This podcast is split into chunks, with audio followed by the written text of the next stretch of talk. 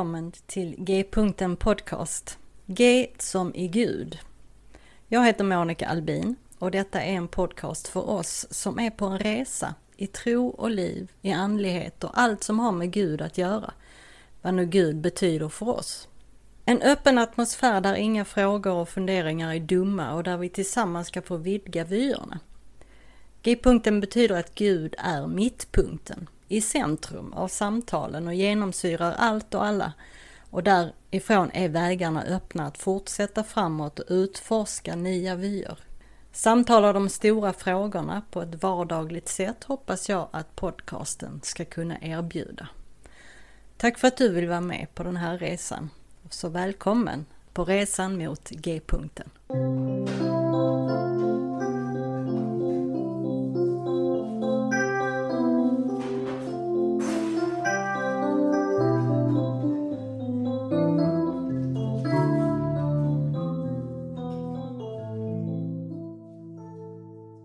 Hej och välkommen tillbaka till G-punkten Podcast. Den här säsongen kickar jag igång med ett avsnitt som jag har kallat Spread the Word. Jag pratar här med Mikael Karlholm. Han är en naturlig coach, varmhjärtad inspiratör och andlig pionjär står det på hans hemsida. Nätverkare med fantastisk förmåga att se möjligheter att samverka och bidra med gott för allas väl.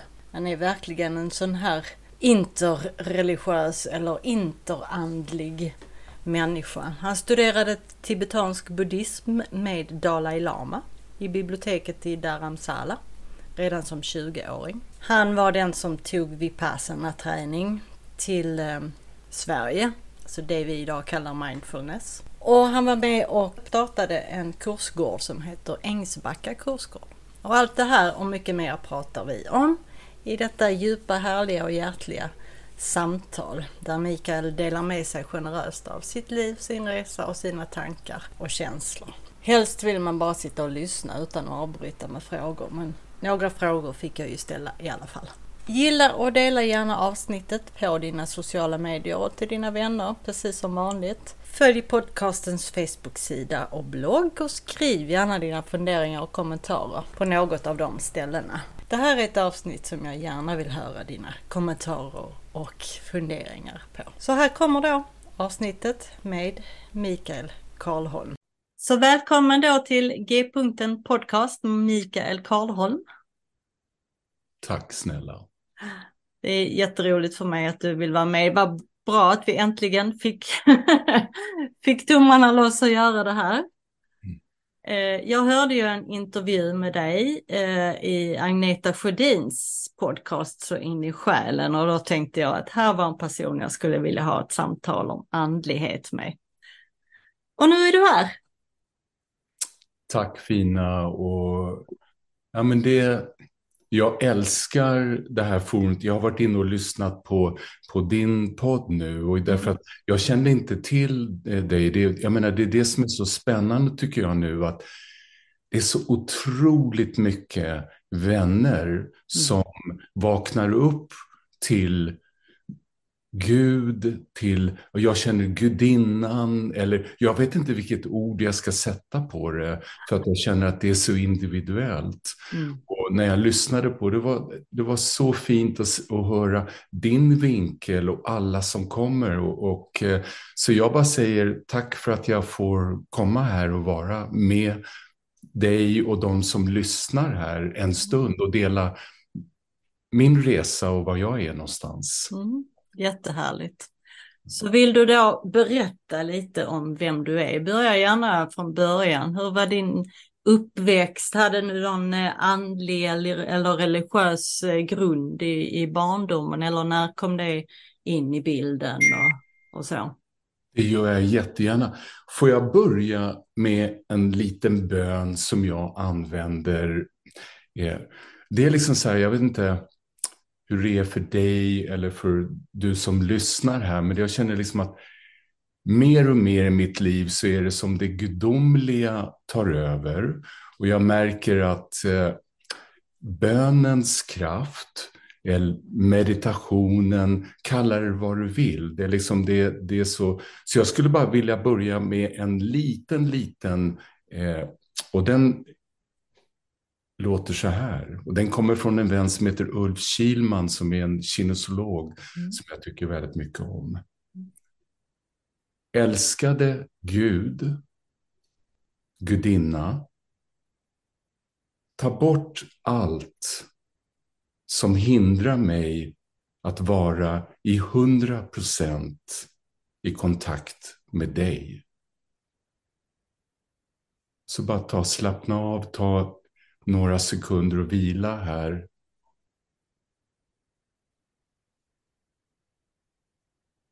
Tack så mycket.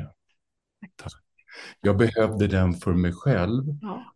För till exempel nu innan vi börjar, jag kom, man har varit och lämnat barn, jag har varit läkarbesök, det är så här, och det är så mycket saker hela tiden som händer i ens liv. Mm. För mig handlar det väldigt mycket om att stanna världen lite grann. Mm.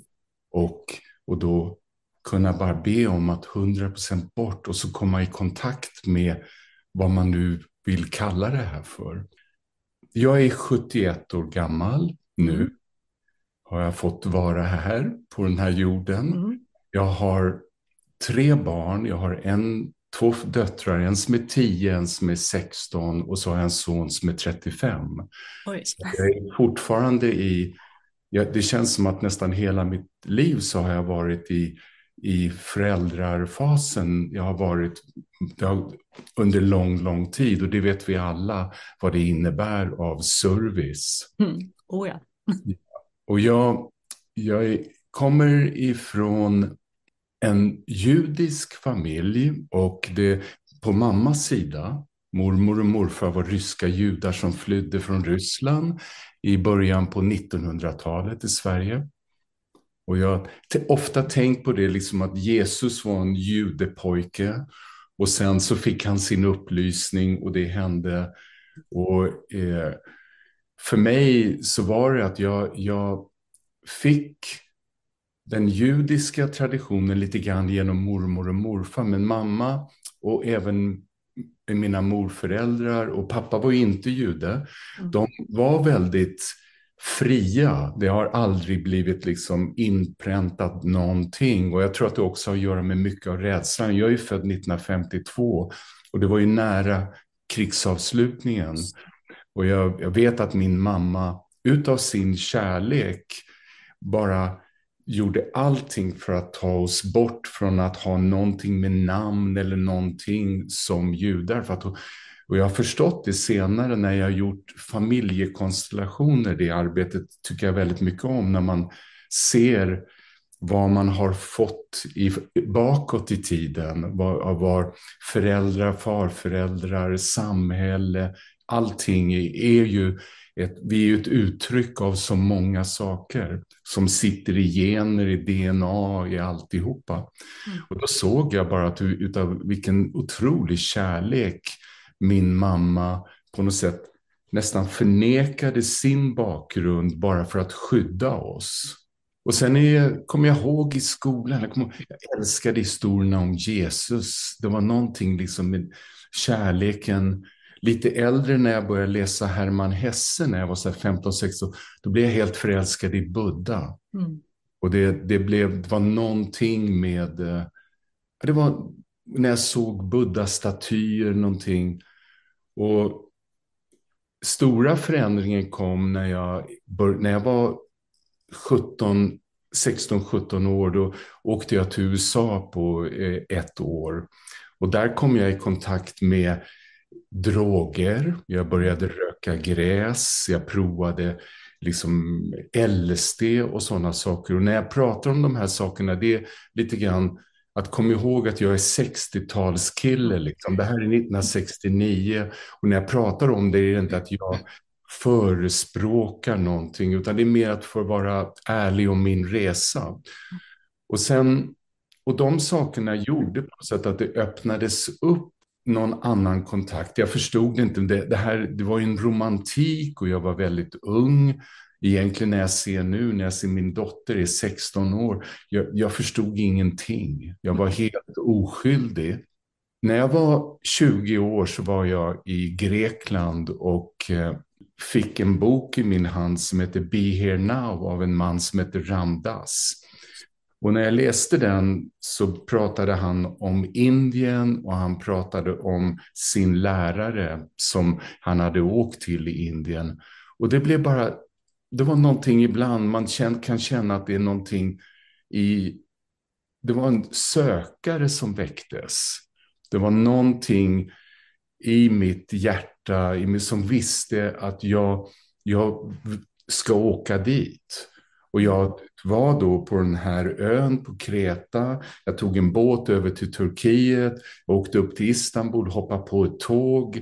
Och bara liksom åkte över land då, eh, på den tiden bara rakt var i Afghanistan i tre månader och då är jag 20-21 år. Wow. Och man, är väl, man är ung då, man vet ingenting om livet. Och på den tiden så var det också att veta att jag menar, det var en helt annan, det var inte den uppkopplingen. När man åkte iväg då, då skrev man ett brev hem eller så ringde man.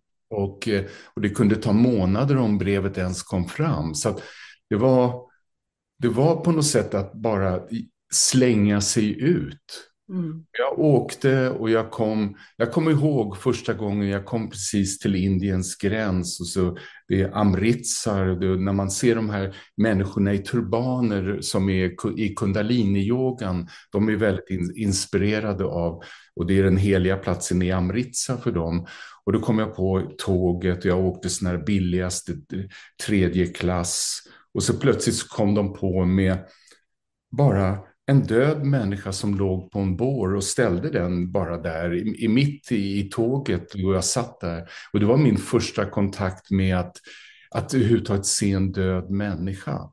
Att se, och det kommer jag ihåg när jag läste om Buddha, att, att det var ju det, de gömde honom från att se att livet är förgängligt, att man, att man blir äldre och sen väntar döden och sjukdomar och allt, att livet innebär en resa av, av mycket lidande, av mm. mycket mm. behag. Och det, det är en del av att födas i den här kroppen. Och, så där börjar egentligen min, där är jag och jag är på väg till den här läraren och jag landar hos Dalai Lama. Och då är jag eh, 21 år fyllda. Och sen studerar jag med honom och andra buddhistiska lärare under 13 månader. Och, eh, och det, det var på något sätt, det förändrade hela mitt liv i det djupaste. Jag förstod inte det, men jag kom i kontakt med en stillhet och en närvaro som jag inte hade haft någon runt om mig som hade kunnat tala om att det överhuvudtaget existerar. Därför att det är ju så, de runt om oss, alla kör ju på sina egna liv och så är det hela tiden. Och många människor vet inte så mycket om vem de är. Och vi har inte så många i skolan, är inte det ett ämne vi har. Och många gånger till och med de som vi kallar våra religiösa ledare vet inte ens det själva. De har utbildat sig till att bli kanske en präst eller bli en meditationslärare eller vad det än är. Men det betyder inte att de vet vem de är och att de vet hur de ska förmedla det. Många gånger förmedlar de någonting som är inlärt. Mm. Och, och, och, det vet jag själv, för det har jag också gjort. Och det är en, en, en ett, ett sätt. Så där, jag vet inte om det här säger någonting, men det här är lite grann bara för att tala om hur min resa blev. Och kontakten med Dalai Lama som blev väldigt nära, för den på den tiden kunde man få direktundervisning av honom vid biblioteket i Dharmsala, wow. där han bor. Och, och det finns ett ideal inom den tibetanska buddhismen som heter bodhisattva. Mm. Och bodhisattva är att man på något sätt vet att man är här för att vara ett verktyg för att alla människor ska bli fria och uppvaknade. Och det var någonting som bara blev, det gick så djupt i mig att jag, jag tog, det, det, idealet har jag kvar i mig själv nu 50 år senare. För det var 1973 jag åkte dit och, och nu är vi ju 2023. Så det, det, det är 50 år av den här resan som jag känner inte har en början och inget slut. Det jag kan inte säga att, att jag, när jag kopplar upp mig och hela världen stannar, när jag är i den här bönen, då kan inte jag, jag, jag vet inte vad som har hänt ens under de här 50 åren, för jag känner att det är ett tidlöst tillstånd av, av inget tid, inget rum och, och det är en närvaro som, där det känns att det finns ingenting tillbaka och det finns ingenting framåt. Och, och, och det upplevde jag för 50 år sedan och, och det upplever jag idag. Så att, och, och sen fortsätter resan, men det var bara för att ja. tala om eh, vad, vad, lite grann var jag kommer ifrån. Precis. Eh, när du var med hos eh, Agneta Sjödin då så gav hon ju det avsnittet eh, namnet 50 år i andlighetens tjänst. Ja. Så det, det, det är ju precis det du, du säger från 73 till 2023 och det har fört dig runt i världen men kanske speciellt till Indien då. Alltså det, det blev att Egentligen så skulle det, det ha varit till många, många andra platser. För det har mm. blivit, för mig har det varit så här att den här sökaren som väcktes och som jag tror att, att du som lyssnar här också, det, det, det är någonting i oss som vet att det finns någonting mer. Mm. Och att jag får vara lycklig. Jag får vara fri, att det är min födelserätt och allas födelserätt.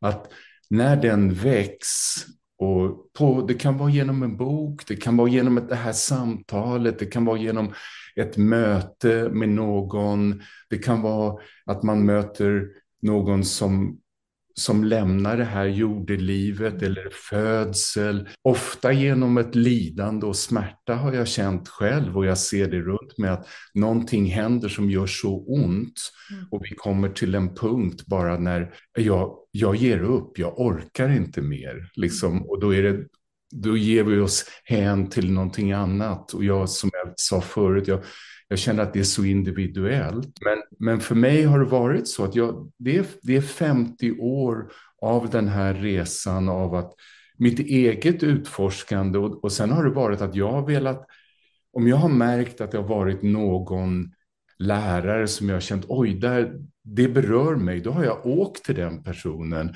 kommit nära och sen har jag bjudit hem dem till Sverige.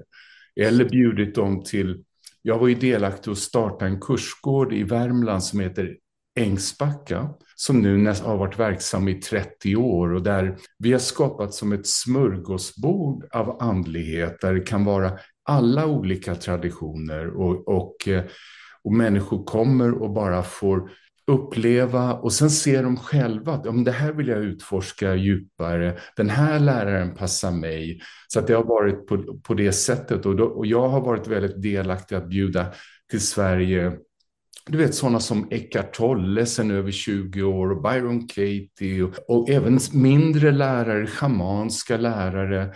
Det kan vara människor som bär sufi-traditioner liksom som, eller djupt eteriska kristna traditioner.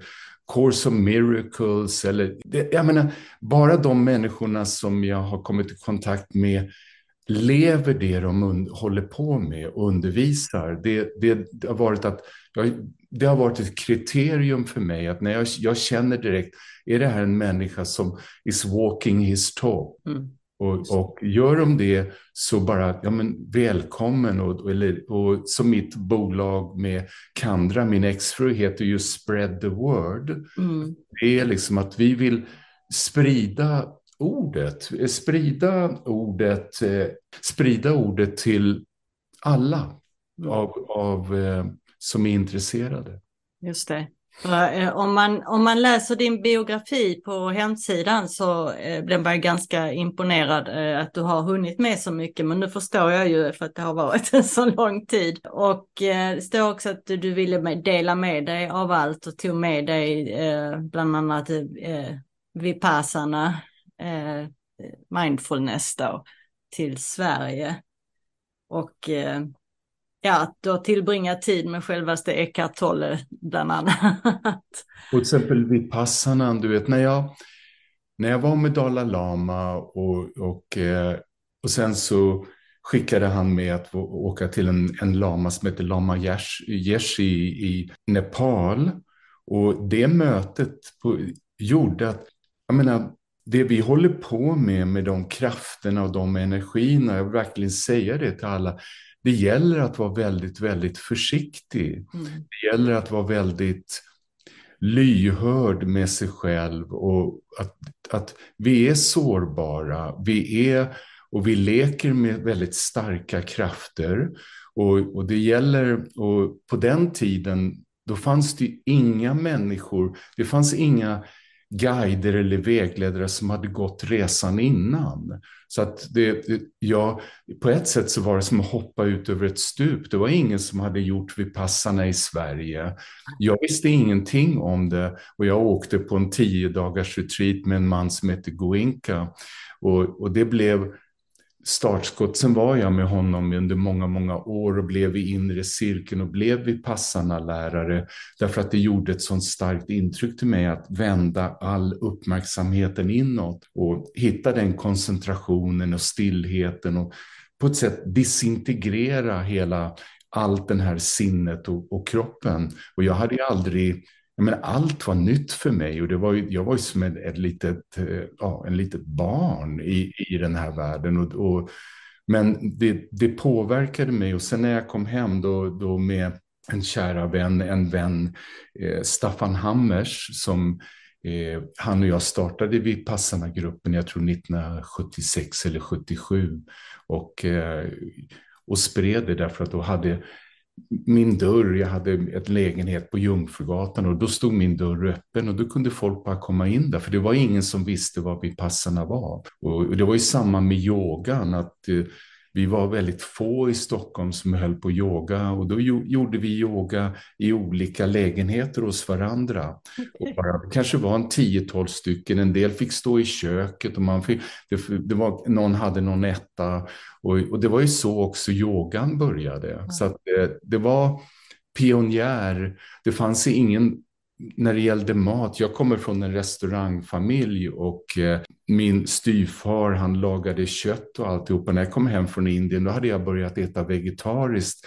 Mest för att man var, man var rädd att äta kött därför man blev sjuk. Liksom. Ja, inte göra. Men, men också för att jag kände att jag gick ner 15 kilo på den där resan men, och, och det kändes bra. Mm. När jag kom hem och de serverade Eh, en sallad med skinka, därför det trodde de att det var vegetarian. Och, och så var det liksom. Att, så att, att bara för att alla ska förstå att vilken utveckling det har blivit under 50 år. Att hur, och det kommer väldigt mycket genom det feminina, genom gudinnan. Det är genom er och jag, och jag kan, det, det är också det feminina i mig för att jag, jag, jag förstod yin och yang, oj, det är i mig också. Alltså det finns också en, en maskulin sida i den här kroppen och det finns en feminin sida och det finns i mig också. Det är inte att jag är, bara för att jag är född i en manskropp så har inte jag den feminina och bara för att man är född i en kvinnlig kropp så är, har man inte maskulina. Så det blev ett utforskande också som också fortsätter. Det är väldigt spännande liksom den här resan som inte har någon början och inget slut. Nej, och det utvecklas ju hela tiden nu. Bara sedan 20-25 år tillbaka så, så finns ju mindfulness överallt och, och, inom vården och inom ja, allting och alla går omkring med sina yogamattor till olika, till olika yoga. Eh, det är så fantastiskt och, och också om man ser men att de prästvänner jag har och har lärt känna, inte bara i Sverige men i, i, i USA, olika kulturer, hur liksom nu det blir mer och mer rumsrent att blanda ihop. Man behöver inte vara rädd. Därför att eh, den här, det har, har varit en rädsla, liksom, att man, då vill man gärna hålla att det här är den enda vägen och den andra kan vara någonting, ett hot. Mm. Och, och jag, mitt jobb har känts väldigt mycket, ja, jag hoppas att jag kan göra det, att vara som en brobyggare. Mm. Att, eh, och jag respekterar de som känner att nej, men, de vill inte blanda saker, det är också okej. Okay. Mm. Men det, det är väldigt här, skönt tycker jag nu att mer och mer är det någonting som ett brobyggande som sker. Att, att frihet för mig är väldigt mycket friheten från rädsla. Det har mycket att göra med rädsla. Jag ser att min separation och andras, den har så mycket att göra att vi, att vi är rädda. Vi är rädda och vi tror att någon vill en illa, att någon vill ta någonting ifrån mig, att allting är konkurrens, att om jag, om jag är öppen och ger, ja men då kommer jag bara bli utnyttjad. Och självklart ska vi lära oss gränser, det är jätteviktigt. Det handlar inte om att vara gränslös, men det handlar om den här inre eh, friheten att inte vara rädd. Och det, det känner jag väldigt mycket är, är arbetet, att, att jag behöver inte vara rädd. Och när jag skapar events, jag har precis haft ett event med, med Kandra i Stockholm med en musiker som heter Krishna Das. Mm. Som kom ifrån den här traditionen från Be Here Now, den boken jag läste för 50 år sedan. Maharaji Nimkarol Baba Ramdas, det var hans lärare också. Och nu hade vi en konsert och vi var i en gammal kyrka, Skeppsholmens kyrka, ja. som nu heter Erik Eriksson-hallen. Och där var vi 550 vänner som sjöng mantras, som dansade och hoppade i kyrkans rum. Mm. Och folk var i ett gudomligt uppkopplande. Jag, jag känner att när jag pratar om gudomligt så pratar jag väldigt mycket om att vara i ett vackert tillstånd. Att jag har mycket att... För mig finns det bara två tillstånd när jag tittar in. Det finns antingen är jag i ett vackert tillstånd eller så är jag i lidande, är i, som Eckart Tolle pratar om smärtkroppen. Mm, mm. Och, och, jag är i smärta, jag ser världen som en, en plats som är farlig och som är emot mig. Och, och, eh, och det är inte konstigt. Jag känner att man hoppar in och ur det. Att mm. det, det, jag brukar kalla att man flippar in och flippar ut. Och förhoppningsvis så kan vi stanna mer och mer i ett vackert tillstånd. Mm. Och att, att göra våra övningar, att göra vad man, vilken practice man än har. Man har det här, älskade Gud, gudinna. Ta bort allt som hindrar mig att vara i hundra procent kontakt med dig. Mm. Det låter ju som vilken bön som helst, alltså till, till, inom vilken religion som helst så att säga. Som helst, att bara, att bara hjälp mig att ta bort det. Liksom. Mm. Och det kan vara att jag connectar med min andning, mm. det kan vara att jag dansar, det, jag menar, det kan vara att jag älskar med den jag vill älska med. Det mm. kan vara men att jag är ute i naturen. Nu, nu tittar jag ut genom fönstret och jag ser rhododendron som bara skriker ut. Mm. Liksom, se mig. Eh, jag är här bara för att titta på mig. Jag, tittar på, jag, jag, jag bor så här mitt ute i naturen och för mig är naturen en sån otrolig portal mm. in till det där. Det är liksom att jag, jag känner att den, den bara det är en sån dörr. Om mm. jag bara kan tysta mig själv och, och, vara, och låta henne få ta över. Ja, precis. Du nämnde att du var med eh, och startade Ängsbacka kursgård. Och eh, det står även att du startade No Mind-festivalen. Som då hålls där årligen i mer än 25 år står det. Och den är känd över hela världen och jag har ändå lyckats undgå den. Så vill du berätta lite mer om eh, No Mind-festivalen och eh, Ängsbacka? Gärna, och det är nästan 30 år. Och det var, det var, början var några av mina eh, vänner och speciellt några som hittade det här stället och, eh, och de berättade för mig att vi har hittat den här grejen. Och en sak som inte jag nämnde, men när jag var där på, i Indien på 70-talet så fanns det en lärare som hette Osho mm. som är väldigt kontroversiell. Och man, om man tittar på den här serien som har gått på Netflix till exempel, som är bra att se därför att med alla sekter mm. och med alla grupper så vet vi att det finns liksom saker som händer när det gäller sex, när det mm. gäller makt, när det gäller pengar. Det är liksom att vara människa Och, eh, och, och, jag känner att det, så när jag pratar om Osho så vet jag att det kan, massa varningssignaler kan hoppa upp. Men för, för oss som var där, det är också ofta när man är mitt i någonting så har man en annan upplevelse. Och det är väldigt svårt att från utsidan titta på det. Och ibland när man är mitt i någonting så ser man inte heller med, med ögon, man ser inte det som händer bakom. Eh, men, men, och det är inte för att försvara någonting, men det var, jag älskade vad Osho och vad det har inspirerat av en kärlek till frihet och till att våga bryta gränser mm. som behövdes då. Med runt sex, allt tabu kring det och allt tabu kring religion, kring kyrkan, moskéerna. Jag menar, var det än är så fanns det så mycket bullshit. Liksom, va? Det fanns så många saker som bara var män som satt på makt och som bara ville sitta där därför att de, de, de ville bara sitta kvar på sina positioner och så är det ofta överallt. Där, där, där det feminina inte får och har fått, och, och, och så har det varit i alla tider. Och, och det var Osho en, en, en pionjär hur han pratade emot det. Så att många av oss blev inspirerade av honom och de här vännerna.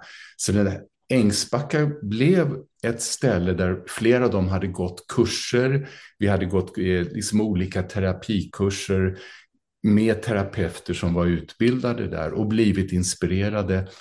Speciellt med att få in meditationen och kärlekens närvaro. Det, det, var det som är, de här terapeuterna hade. Meditationen med dynamic och kundalini, det speciella mm. meditationer de hade, som var banbrytande och jag fortfarande gör och tycker det är fantastiska för att de bryter igenom någonting i mig som jag inte kan göra om jag bara ska sitta stilla och mm. tro att allt handlar om att jag bara ska sitta och blunda på en kudde, för det funkar inte för mig. Så att vi skapade det här stället. Jag kom in efter ungefär ett år och, och det blev vänner som ville bara ha en plats där vi kunde vara, där vi kunde känna att vi var välkomna. Och de som kom, första året var det, jag tror 125 som kom på den här No Mind-festivalen. Och, och sen växte det bara därför att det spreds till vänner. Och, och, vi började, och där hade jag en position genom att jag hade varit ute i världen och hade relationer med Eckard, med Miten och Deva Primal, med Krishna Das, med etc. etc. Jag hade massa vänner och då sa jag till dem, kom till den här festivalen. Och då kom de och i och med att de kom och folk kände till dem så kom det mer och mer människor. Och, och det blev, det är någonting som skapades när det var, när vi skapade en plats där det inte var några droger och ingen alkohol. Mm. I Sverige och med den kulturen vi har med alkoholen som har varit så det har gjort, det var min upplevelse att det feminina, och med det feminina menar jag den sårbara, det känsliga, det öppna. Allting egentligen som vi kan se i manifestationen, för mig är det feminina. Det är ett uttryck av det. För att det ska kunna blomma och det ska kunna känna sig tryggt, då kan inte vi ha det här gamla där alkoholen och all, det måste bort. Det mm. måste finnas en trygghet där vi vet att vi kommer inte vara någon som kommer komma aggressivt eller kommer komma skrämma någon och barnet måste kunna vara tryggt. Mm. Vi skapade en plats som, som kom från det djupaste inre av det mm. och det gjorde att mer och mer människor kom dit med sina familjer, med och så hade vi de bästa lärarna från olika traditioner och då kunde man gå på workshops. Men det var miljön bara och det är fortfarande bara att komma samman. Mm. Det, som, det känns som att gå in i en stor kristall av, av, där allting är välkommet och tryggt. Och du kan bara gå in där och där kan du få vara dig själv under en vecka. Du mm. kan bara vila där. Du behöver inte försöka och det är självklart det är en resa för att du börjar där du börjar, men du känner att det finns väldigt, väldigt mycket utrymme i den platsen. Och det, så jag är väldigt stolt över den och den har ju då kom det massa olika, och så åkte de hem till Australien, eller så åkte de till Estland, eller så åkte de till Norge, och så skapade de liknande. Och, och det har bara växt. Att jag kan verkligen säga att Ängsbacka har varit ett hjärta, en navel, där väldigt, väldigt mycket av det som händer runt om i världen mm. har den har varit en jättestor del och det därför att det var en energiplats. Mm. Det är som Essalen i, eller Omega-institutet. Det finns sådana platser där Glastonbury, det finns platser som är energiplatser där vi mm. vet när vi kommer dit så händer någonting i vår energi. Vi vet att det är någonting som gör bara att vi kommer in i det gudomliga och här känner vi oss hemma. Och Ängsbacka är en sån plats och har varit en, en plats och lever vidare. Mm. Jag, jag är ju själv eh, kristen, eh, vilket i sig är ett väldigt stort och brett begrepp numera. Eh, så man vet inte alltid om man vågar kalla sig eh, kristen med risk för att bli eh, ihopkopplad med amerikanska evangelikalerna som stöder Trump eller ryska ortodoxa kyrkan som stöder Putin. Men jag brukar citera teologen Stanley Howard som säger att Jesus is Lord, everything else is bullshit. Eh, så att jag liksom har Jesus eh, kärleksbudskap i centrum och så tar vi det därifrån. Och nu, jag kanske har förutfattade meningar, men har ni haft då kristna med på No Mind-festivalen? Absolut. Jag menar, du vet Olle Karlsson.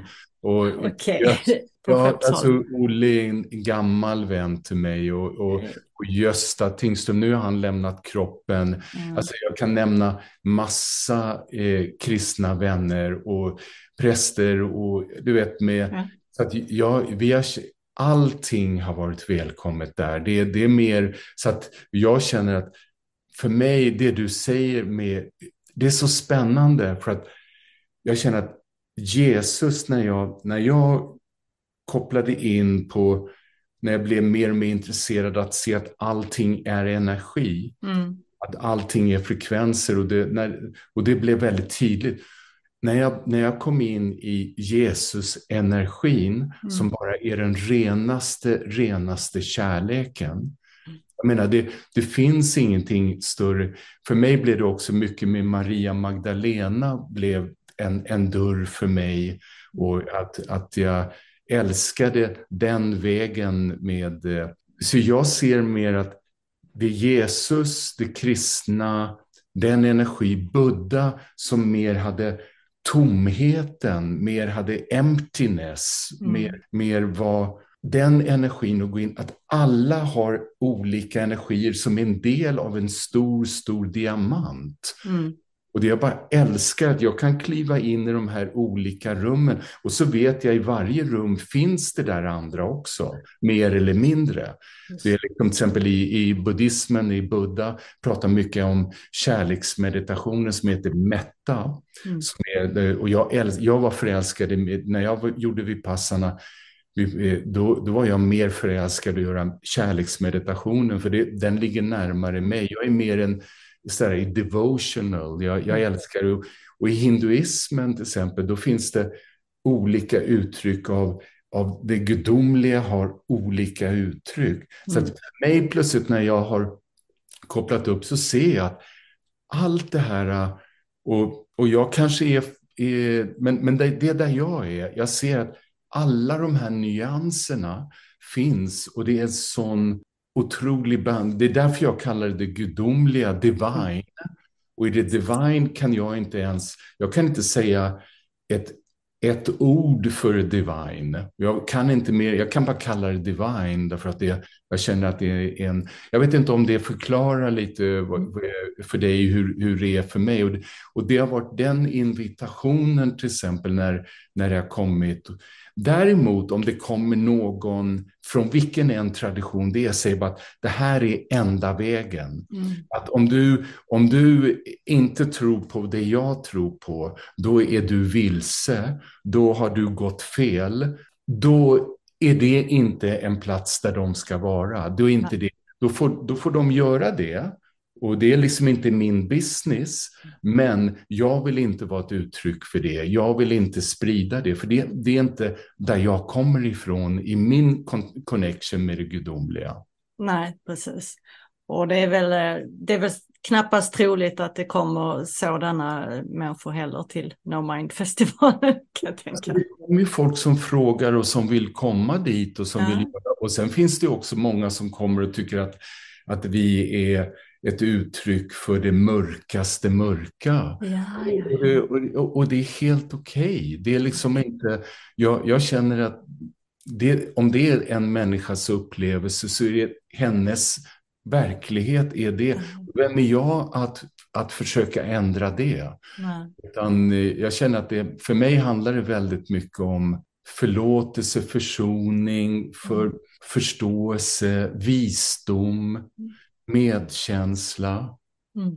kärlekens vänlighet. Och eh, menar, kan jag leva allt det som jag och, och, kan jag sätta mina gränser och, ta, och, och, veta vad jag vill och inte vill mm.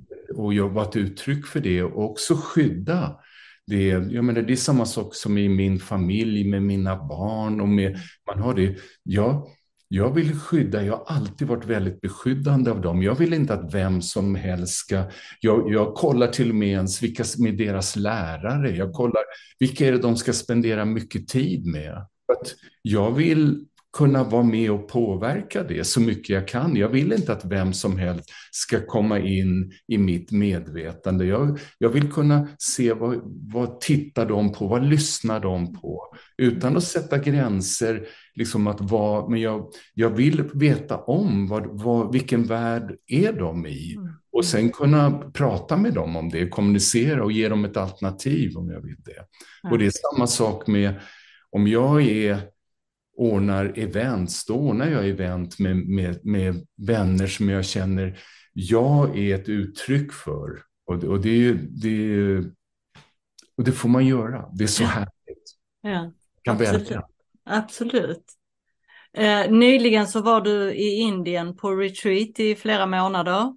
Eh, vill du berätta lite om vad det var för retreat och vad som eh, kom ut av den?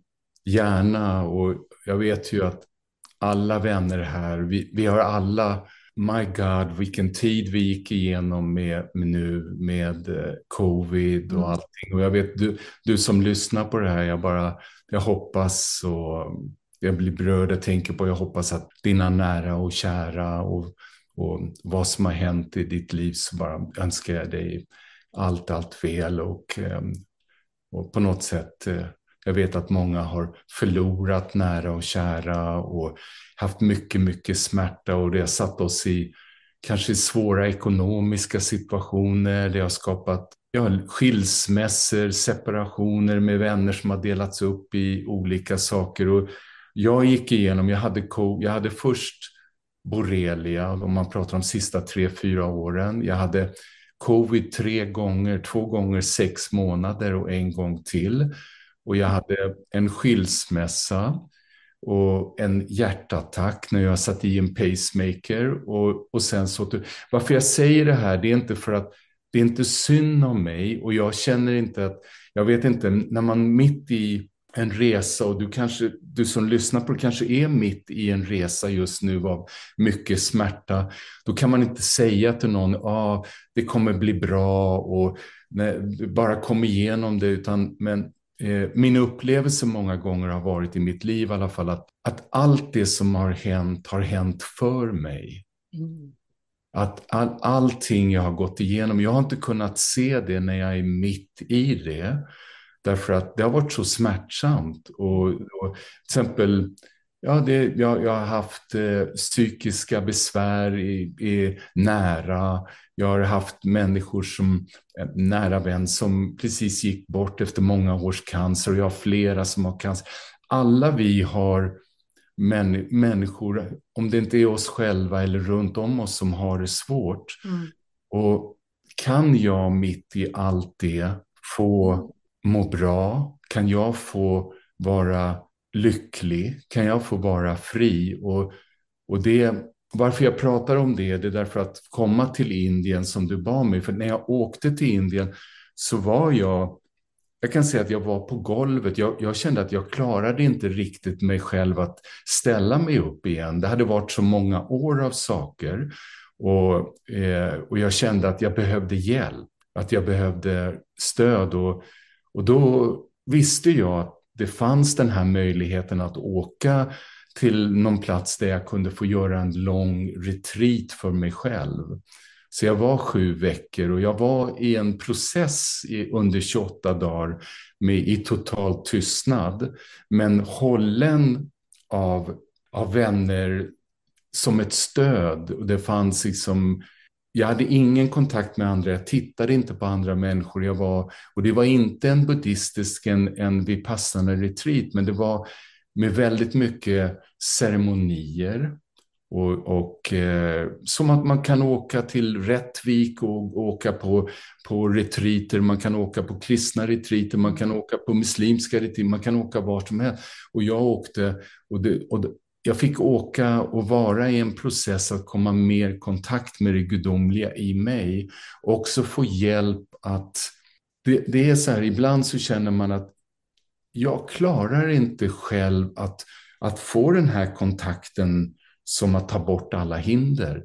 Jag klar, och jag kände att jag inte kunde göra det. Så jag var i en process och jag, jag kan säga att det stöttade mig verkligen att landa i ett vackert tillstånd. Och det är fyra månader sedan. Mm. Och jag känner mig mer än någonsin vilande i ett tillstånd av ett djupt, djupt accepterande av livet som det är. Och, en, en, och jag vet vad jag behöver göra varje dag för att behålla den kontakten. Och det, jag, för mig känns det som att jag har blivit förälskad i det gudomliga igen. Jag har blivit förälskad i det här tillståndet, där, att jag känner att allting som händer här på ytan som kallas livet, det är så lite egentligen som jag kan göra någonting åt där. Det, det, jag, jag, jag känner att jag har släppt väldigt mycket kontroll. Jag har till, till och med släppt mycket kontroll över att kunna styra över mina barn, över, över över allt känner jag. Och det betyder inte att inte jag håller dem, att, åh, att jag bara har flummat ut, utan jag är mer närvarande än någonsin. Men det betyder att jag har slutat att tro att det är jag som bestämmer allting. Och jag har märkt att jag har varit väldigt kontrollerande och beskyddande på ett sätt som egentligen har skapat mer lidande än att det har skapat frihet och kärlek. Så att på ett sätt så känner jag mig friare än någonsin och det, jag fick hjälp att få den uppkopplingen igen. Mm. Och, och, jag är otroligt tacksam till det och jag vårdar det. Liksom. Jag, jag, jag gör mina meditationer, jag gör mina böner, jag gör det. Jag börjar dagen på det sättet och jag gör, jag checkar in och kollar. Och ett sätt vi kan göra just nu som jag gör, det är bara att jag tar och så slutar jag tänka för ett ögonblick. Så bara sluta tänka just nu bara för ett ögonblick.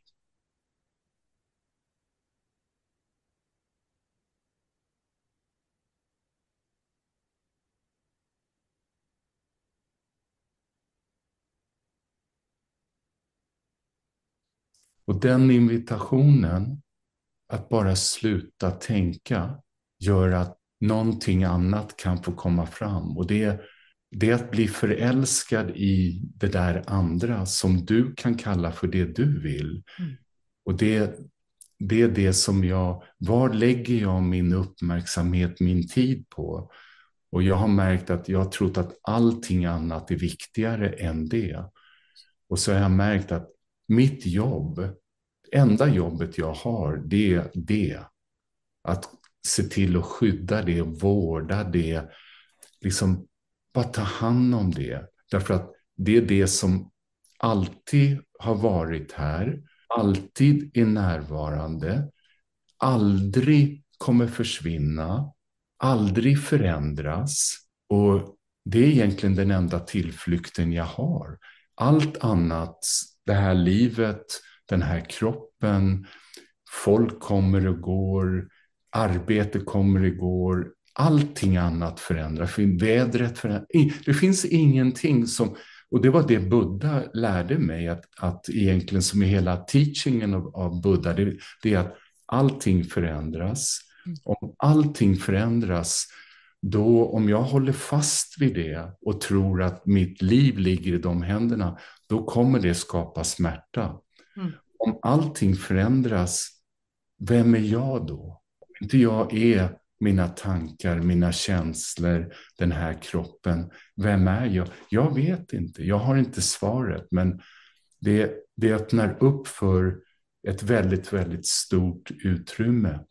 Så att eh, där är jag efter ha varit eh, nu har varit i Indien eftersom du frågar mig mm. så har det ännu mer gjort mig i, när jag till exempel gör ett event då, då sitter jag innan och jag, jag gör det som jag kallar min själsliga meditation mm. och jag gör en själmeditation i och där jag connectar med min själ mm. och bara och, och, och, säger till det gudomliga att jag menar, jag har gjort allting, jag har ordnat rummet, jag har tagit hand om alla, jag har välkomnat alla, alla är här.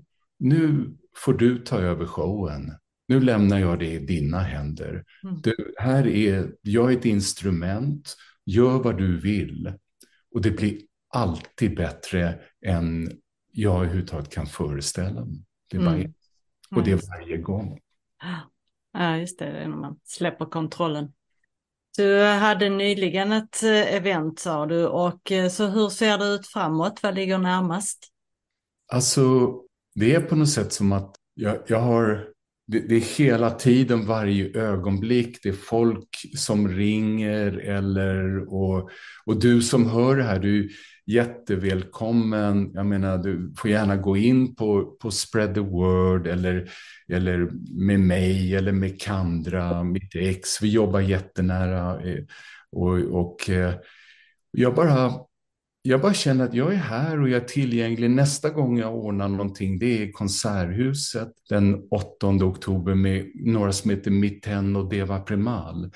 Och, och eh, om du inte har hört deras musik så gärna gå in och lyssna på det. Och då skapar vi ett rum med 15-1600 vänner. Vi bara går in i den här när kärlekens närvaro.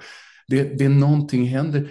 Det liksom känns som att vår kyrka den är där vi möts två. Mm. Du och jag möts här, då händer någonting. Och du som lyssnar på det här, då händer någonting. Mm. Så vi behöver inte gå någonstans. Jag menar, vi behöver bara sätta oss här och, och bara vara. Så att jag, jag älskar att skapa rum där invitationen finns till det här. Mm. Och, och, eh, så att, eh, men eftersom du frågade mig så nästa stora event som är, då, då är det den 8 oktober. Och, och eh, ja, det... Mm.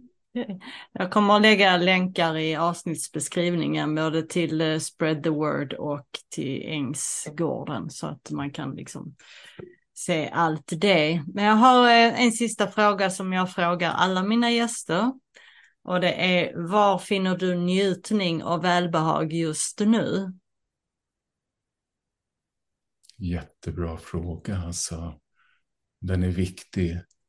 Jag, jag känner just nu när du frågar så känner jag otrolig njutning bara att få möta dig här. Det, det är liksom bara se din skönhet, din liksom närvaro, att få möta dig här det, det är den största njutningen faktiskt. Det, det, är väldigt, väldigt, väldigt mycket i ögonblicket, i möte. Och ja, det, det är det som kommer till mig. Och sen när jag tittar utanför fönstret, för jag ser dig på skärmen och bakom mig är det här panoramat av naturen utanför.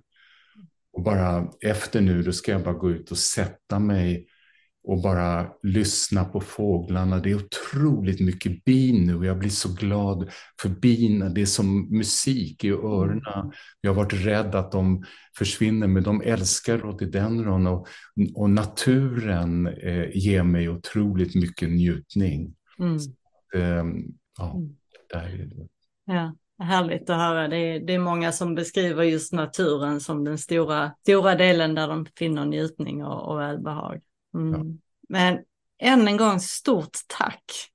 Tack för att du ville vara med och dela med dig av din eh, resa och av ditt liv och av din visdom. Det ger väldigt mycket både till mig och mina lyssnare, det kan jag nog eh, garantera. Och det är väl inte helt omöjligt att jag hör av mig igen.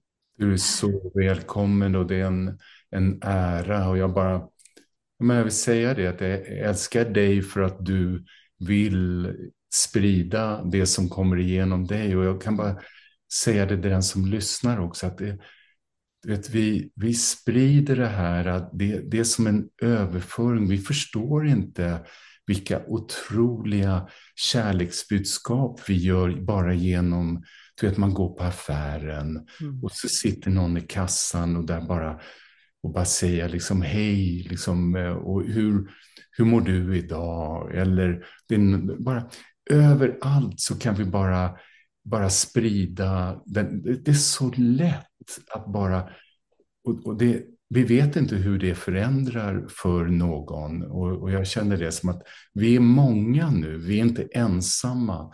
Jag vill verkligen säga det, sitt inte ensam utan att eh, bara känna att, att vi är en del av någonting väldigt, väldigt vackert och stort. Så att, eh, än en, en gång, eh, tack för att jag fick vara med här. Mm, tack så mycket. Tack för att du lyssnade till dagens samtal och som sagt skriv gärna dina funderingar och kommentarer på, på Facebook eller på bloggen. Idag vill jag avsluta med några rader om drömmar. Gud ger oss drömmar som är en storlek för stora för att vi ska kunna växa i dem. Så hörs vi snart igen. Hejdå!